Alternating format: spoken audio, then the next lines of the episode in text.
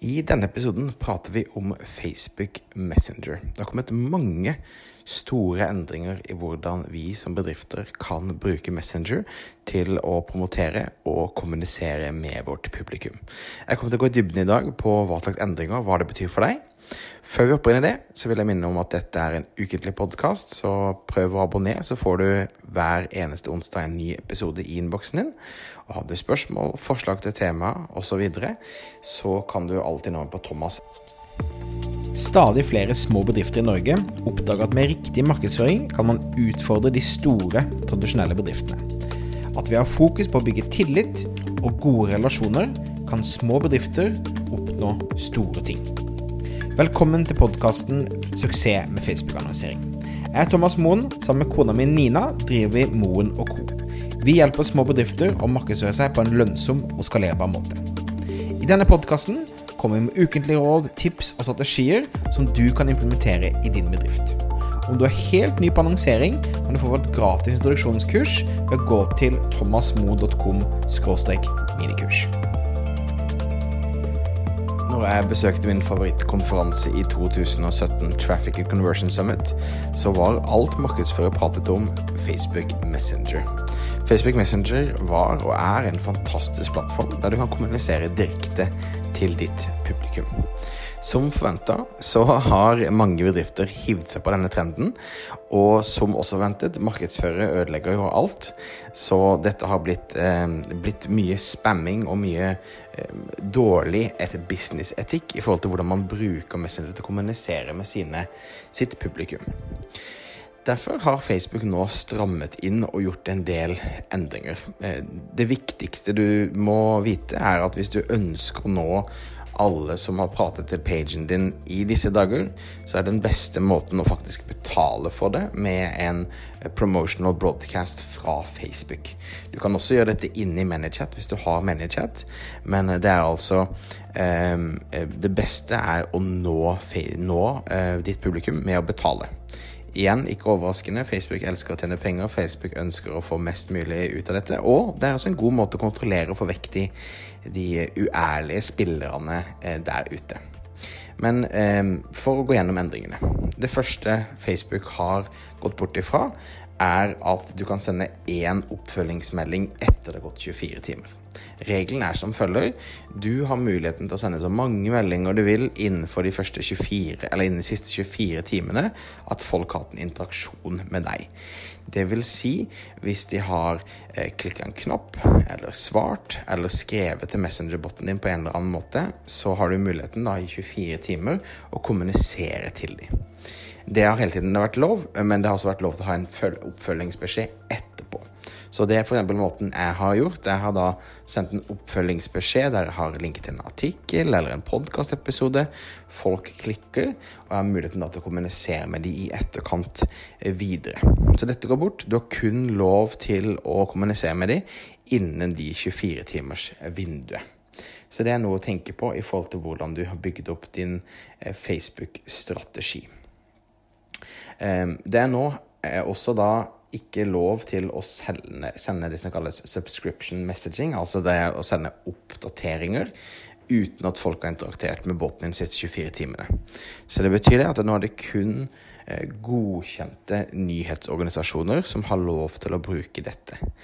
Eh, vi har lov til å sende ut via eh, noen få konkrete måte tags eh, virkemåter. Så Facebook sier at du kan sende oppdatering hvis dette er en oppdatering til noe du akkurat har kjøpt, en, eh, et arrangement, påminnelse, en eh, kontooppdatering, eller noe som heter en human agent, som er da eh, på en måte en, en integrasjon, direkteintegrasjon fra, eh, fra oss, f.eks., men det er i beta, ikke ute enda. Så eh, Før var det 16 forskjellige kategorier du kan sende meldinger fra. Nå er det fire. Eh, og ingen av de egentlig handler om nyheter, oppdateringer, salg og promotering osv.